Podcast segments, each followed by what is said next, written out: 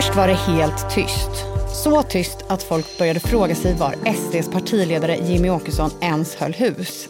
Men så plötsligt var han och SD överallt. Det var intervjuer i tidningar och tv-soffor, utspel om Socialdemokraternas lotterier, krav mot Tidökollegorna och så plötsligt en debatt om Sverige ens ska vara med i EU. Konfliktnivån mellan SD och S är kanske högre än någonsin. Vad är agendan bakom de här utspelen? Idag är det premiär för Älskade politik. Podden där vi frossar i en av veckans eldfängda politiska frågor.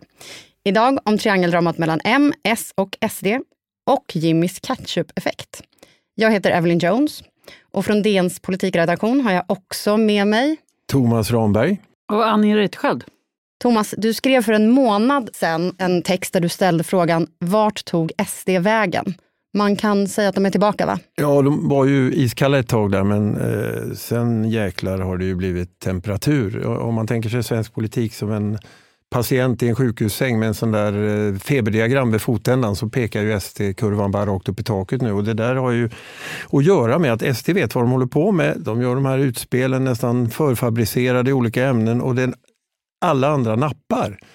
Alla tror och har ett egen intresse av att nappa man kan, politiska motståndare, det kan vara medier, det kan vara andra debattörer, det kan vara partier som egentligen håller med dem men som vill ha uppmärksamhet.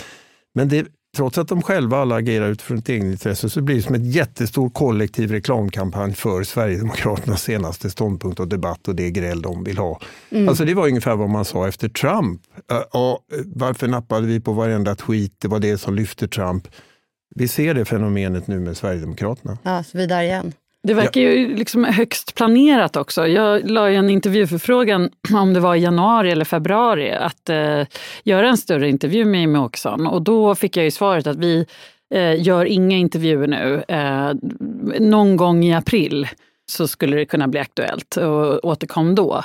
Så att den, den här långa eh, tysta perioden eh, verkar schemalagd. Och det var ju också då som regeringen fick så mycket skit för mycket bränslepriser, matpriser, det var budgeten. Det var mycket som man, man inte fick kritik för, även om man är eh, del av regeringsunderlaget. Så man, eh. Tysta perioden låter ju som ett här bolag som har en tyst period innan de har sin kvartalsrapport ja. och sen kommer allt. Hej och mycket välkomna till 30 minuter.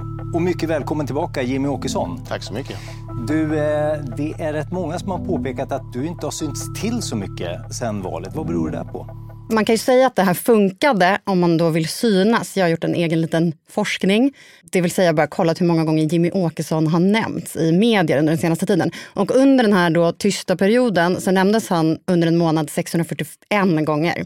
Ändå mycket för en tyst period. det får man säga. Men, en öronbedövande tystnad. ja, verkligen. Men eh, månaden efter, när de här hade börjat med de här intervjuerna, så nämndes han över 2000 gånger. Så det är ändå en ganska stor eh, skillnad.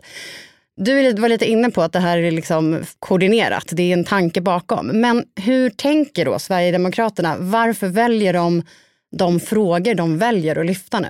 Ja, det är ju så här, deras mål tror jag med den här mandatperioden, eh, det är att, att, sitta i regeringen nästa mandatperiod. Eller kanske ledaren då, om de är större än Moderaterna.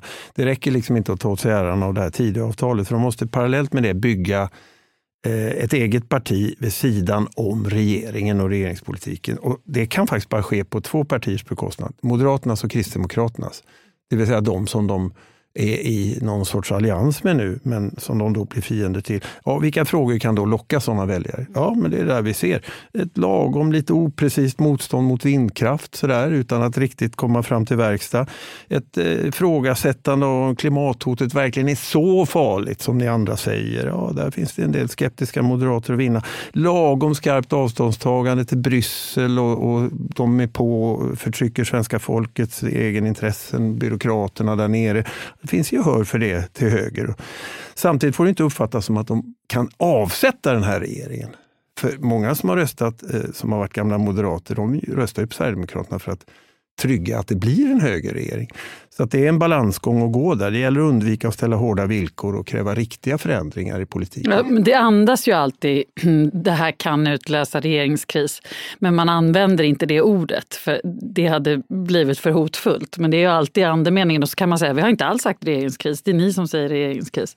Men det här med EU är lite intressant för det, det, den planen har legat länge. Eh, alltså det är ju snart ett EU-val och då vill man ju förbereda sig inför det såklart. Men eh, jag pratade med Sverigedemokrater Charlie Weimers eh, redan i höstas när han var ute och vevade om snuset.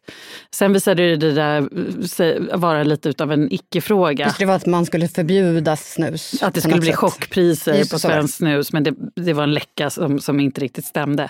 Men man var pigg på att haka på det här. Och redan då så var det mycket snack eh, i SD om att det här är en möjlig konfliktfråga med Moderaterna. För här eh, finns det ett stort en, en stor irritation mot att man tycker att Moderaterna säger en sak här på hemmaplan och att man ska åka ner till Bryssel och vara stenhårda. Men att man sen kommer dit och viker sig för sin egen partigrupp. Då. Mm. Och, och, hur mycket av det där som stämmer, det är ju väl eh, olika om man frågar moderater eller sverigedemokrater. Men det var tydligt att det redan då var en strategi.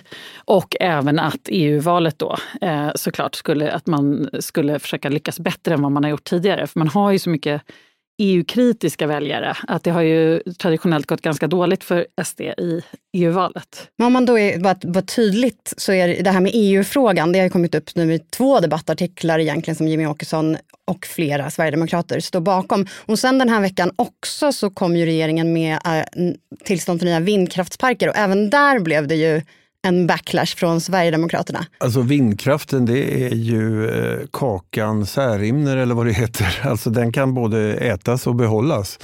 Eh, det, och, och, ibland säger Jimmy Åkesson i samma andetag som han säger att han är emot vindkraft att ja, men det kommer ändå bli så, den förhandlingen eh, vinner vi inte. Utan det blir bara ett poserande inför de här som är skeptiska utan att göra verkstad av det hela.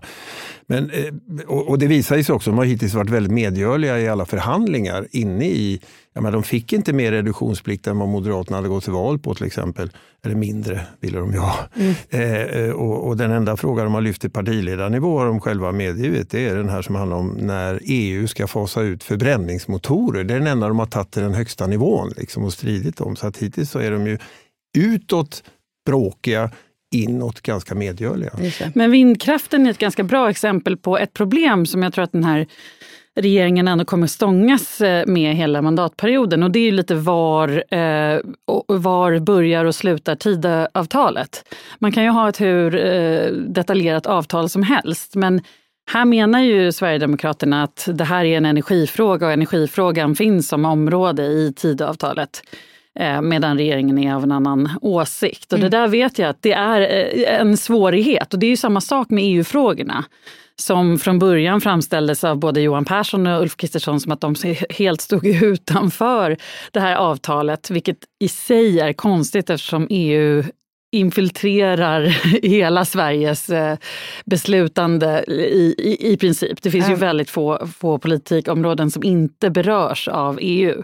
Så båda de är ju också, både EU och vindkraften um, kan bli problematiska just för eh, vad Tidöavtalet egentligen inkluderar. Mm. Och det är det vi ser nu. Med. Nu, det här, nu river vi upp Tidöavtalet. Det är det sådana hot hela tiden nu från Sverigedemokraterna. Det här, det här går vi inte med på. Men det verkar ju som att det är ganska svårt att ta det längre. För ja, vad ska, ska de, de göra? Vägen? Ja. Så om vi vi är specialister på det vi gör, precis som du. Därför försäkrar vi på Swedea bara småföretag, som ditt. För oss är små företag alltid större än stora och vår företagsförsäkring anpassar sig helt efter firmans förutsättningar. Gå in på swedea.se företag och jämför själv. Alltså äter du i duschen? Nej, det gör jag verkligen inte. Men alla gör ju det nu. Duschsnacks, Frans. Vilka alla? Ja, men alla på TikTok och bloggar och allt möjligt. Så det är, de har en tallrik i duschen och så är det lite så här oliver och ostbågar typ. Nej men gud, tapas. Där drar jag gränsen. Jag, jag kan sträcka mig till duschöl. Men annars så får man torka sig innan man hugger in på godsakerna. Ja, men lyssna på Nära vänner, en podd med mig Fanny och dig Frans med Expressen. Viktiga nyheter. Ska sammanfatta några av SDs senaste utspel och vad de egentligen handlar om så har vi då Lotterigate där Tidöpartierna vill stoppa sossarnas lotteri och därmed då strypa en av S finansieringskällor. Men man vevar också inom Tidöpartierna. Eh, när regeringen i måndags sa att man ger tillstånd för två nya vindkraftsparker så protesterade SD och tyckte att de hade rundats i förhandlingarna kring den frågan. Och så har Jimmy Åkesson i två debattartiklar skrivit om EU eh, och hur unionen håller på att bli en tvångströja för Sverige och att Sverige också bör ha beredskap för att gå ur unionen. Det kan gälla bensinpriserna, det kan gälla eh, skogen, det kan gälla eh, fisket, det kan gälla eh, alkoholpolitiken. Så finns det alltid någon form av broms i form av EU-lagstiftning. Vad har då Sverigedemokraterna att vinna på att driva någon slags swexit som varken deras samarbetspartier vill ha och inte heller liksom väljarna vill ha egentligen? Nej men precis. Ehm, det där dras ju upp hela tiden. Det är ju faktiskt ingen som vill se ett utträde eh, som opinionen ser ut nu. Men man ska också komma ihåg att ehm, forskning som görs på väljarbeteenden visar ju också att det är Eh, en rörelse åt andra hållet. Att väljarna också går i riktningen partierna stakar ut. Så helt omöjligt är det ju inte att, för ett parti att eh, påverka väljarbasen heller. Eh, och här vet jag i alla fall att ur sverigedemokratisk synvinkel så ser man en möjlighet att om det går väldigt bra i valet, EU-valet, så kan man också eh, påverka både väljarna men också regeringen i en mer EU-kritisk riktning. Och där tittar man ju då på Storbritannien och Nigel Farage och Ukip. Och det gick ju bra för honom. Det gick ju bra, mm. precis, det gick ju bra för honom. Sen, ja, eh, så, så, så, så där ser man ju inte att loppet är kört så att säga. Även om det också är eh, såklart bara ett eh, sätt att fånga upp ett missnöje och ta en position i svensk politik som väldigt få har. Det finns ju Vänsterpartiet är ju kritiska men har ju ändå lagt det ganska mycket bakom sig på, på, de, på den nivån. Så det finns en plats här att fylla? Liksom. Ja, och det finns ju, det, EUs utveckling i svensk politik är ju att gå från eh, höger till vänster. Alltså, eh, de svenska politikerna såg EU på 90-talet som att det här var ett höger eller liberalt projekt och vänstern var emot. Eh, nu är det liksom högern, då, precis som i Storbritannien, som, som ser EU som en fiende. Och i Sverige är det ju konkreta frågor som Sverigedemokraterna vet att folk, väljare till höger kan tycka illa om. Det kan vara att EU har blivit mer ambitiöst i klimatfrågan, i skogspolitiken, i en del andra såna miljöfrågor där det finns missnöje. Eh, så att det handlar ju om innehållet i politiken, inte bara den där Brysselbyråkraterna mot Sverige. Och sen handlar det ju också om att förklara varför de inte får igenom eh, mycket av sin egen politik eller det man har lovat. Att ja, det går inte för EU sätter stopp. Ska vi ha det så här? Ska vi rösta på ett sätt i Sverige och sen ska EU sätta stopp? Alltså det är en väldigt tacksam eh, scapegoat eh, också. SD går ju också hårt åt Socialdemokraterna nu och det är ju ingen, inte nytt. Men det kanske är lite i ett högre tonläge. Är det ett steg i eh, någon slags plan för att liksom bryta ner eh, det stor, oppositionen? Ja, men man ska inte, det är inte bara ett spel som eh, Sverigedemokraterna håller på med som vi beskriver det, kan det låta så, men, men de har ju en långsiktig politisk strategi. Som, mm. De har jobbat långsiktigare än något annat parti. De har ju stark övertygelse om att de har rätt. Alltså de har, de har inte bara en annan åsikt än andra partier, eh, utan de tycker att det är de som företräder svenska folkets sanna intresse. Jimmy Åkesson han är ju den där sortens politiker som är övertygad om att han går rätt medan hela samtiden går vilse. Och han är liksom kallad att rädda svenska folket mot de här onda splittrarna. Och de ondaste splittrarna det är Socialdemokraterna och vänstern. Och hur ska då SD liksom rädda Sverige från det här som de ser som ondaste nämligen sossarna. Ja, det är ju det Socialdemokraterna tycker sig se nu, planen för det. När man, eh, och, det tydligaste exemplet på senare tid har ju varit det här med att eh, regeringen eh, under Sverigedemokraternas jubel vill sätta igång en process som gör det svårare för Socialdemokraterna att ta in pengar genom mm. de här lotterierna som då ska, i så fall ska tas ifrån partierna. Och det har ju varit en viktig inkomstkälla för Socialdemokraterna. Och då ser ju Socialdemokraterna, liksom, det går ju en kall kåre längs ryggraden där. Är, är detta bara början på någonting? Är, är det dags att göra det svårare för facket att ge oss pengar också? Ska man ge sig på förtroendemannalagen som gör det möjligt för folk att arbeta fackligt på arbetstid. För det brukar ju en del borgerliga säga att det är bara socialdemokratiska partiarbetare egentligen. Mm, stödet till folkbildningen. Ja, ja, ABF och det kan gälla hyresgäster. Alltså, man, man, det finns den våt, blåvita, blåvåta drömmen heter det väl, som en del till höger har, är att göra första maj till vardag. Alltså, man ser allt det där komma. Mm. Skräckvisionen från socialdemokratiskt håll. Här kommer den sverigedemokratiska planen och de borgerliga är med för de har fått råg i ryggen av den här blåslampan från...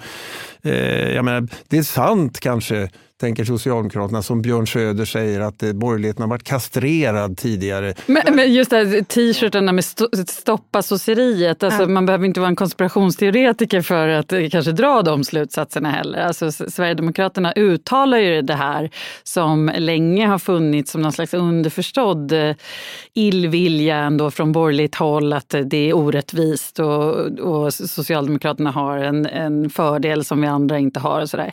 Jag pratade med någon moderat strateg som tyckte sig komma ihåg att de hade såna här stoppa sosseriet-t-shirtar i muff för en 30 år sedan. Oj, det har funnits man... t-shirtar de helst vill glömma också. Jo, exakt. Menar, men just den formuleringen. Alltså det, men, men det där med kastrerad borgerlighet, det är lite kul för det är någonting som återkommer. Det är ju väldigt vässat och Björn Söder, det har ju... Han brukar väl vara nyanserad? Ja, exakt. Det är lite av hans signum. Uh, men när man pratar med sverigedemokrater i, i bakgrundssamtal anonymt så är det ju, återkommer det där hela tiden. Att eh, de borgerliga partierna är fega, vi vågar stå i, i liksom blåsväder, de gör inte det, de viker ner sig. Så fort sossarna skäller lite på dem så viker de ner sig och in med svansen mellan benen och sådär. Så det finns ju, det speglar ju någonting mm. eh, på sättet Björn Söder uttrycker sig. Men en, en annan del av det här med stoppa sosseriet då inom citationstecken som har fått mycket uppmärksamhet på sista tiden, det är ju det här med diskussionen om utnämning utnämningar och generaldirektörer och sånt där. Man ser över vem som leder myndigheter, vem som sitter i styrelser för statliga bolag och så vidare. Som, det är en av många arbetsuppgifter för en regering. Så eh, utifrån den aspekten så kommer det här att fortsätta och vi har ju bara sett början givet att vi bara är inne i början på den här mandatperioden. Eh, idag kom det att eh, Strålsäkerhetsmyndighetens generaldirektör får eh, sluta på sitt jobb och få nya arbetsuppgifter. En och väldigt kort halveringstid får man säga. Från ja, 100 till noll. Direkt. Liksom. Hon Nej. hamnar på Elefantkyrkogården, eh, alltså regeringskansliet. Ja, mm. eh, och det har ju varit ett par stycken nu på senaste tiden som man har eh, gjort sig av med. Ehm, men kan, har den här regeringen sparkat fler generaldirektörer än vad man brukar göra vid ett maktskifte? Finns det någonting i det? Ja, men det är ju inte så många än. Det har ju varit mycket tal om eh, en, en eventuell lista hos SD och planer på vilka man vill avsätta och sådär. Eh, men hittills kan vi inte dra några sådana slutsatser. Hittills ser det ju väldigt normalt ut. så att säga. Det är ju någonting som händer under en regeringsmandatperiod. Eh, under förra eh, S-regeringen, eller SMP, ni vet hur det var, eh, mm. så, så var det väl en, i alla fall en fem stycken generaldirektörer som fick gå mer eller mindre, mindre motvilligt. Mm. Eh, ni kanske kommer ihåg Annika Strandhäll och eh, Ann-Marie Begler för Försäkringskassan till ja. exempel. Det som skiljer situationen idag är ju SDs uttalade syfte. Det är, det är ingen som har pratat om det på det sättet. Att eh, Mikael Ribbenvik på Migrationsverket är en asylaktivist och just att vi ska rensa ut träsket, eh, städa i myndighets-Sverige. Eh, det är ju sån retorik som ekar från USA och Faktiskt, vi, Donald Trump. Man måste nämna honom här, även om vi ska försöka minimera. Äh, inte, inte för mycket Trump, en gång är okej. Okay. Exakt. Apropå stora ord och hårda ord så har det blivit väldigt kraftiga reaktioner från Socialdemokraterna. Har jag sagt statskupp? Nej, det har jag aldrig gjort. Men, har, jag har, min artikel, har jag i min artikel kritiserat myndighets, att ni inte förlänger myndighetschefer? Nej, det har jag inte gjort. Har du inget bättre att säga om min artikel? Tycker jag att du ska vara tyst. Om man går in i Socialdemokraternas skor, de är i opposition nu. Eh, varför väljer de liksom att ändå svinga ganska hårt som Magdalena Andersson ändå gör nu? Här möts ju både deras kortsiktiga taktiska tänk och faktiskt deras genuina rädsla för vad som är på gång. Eh, det förenas.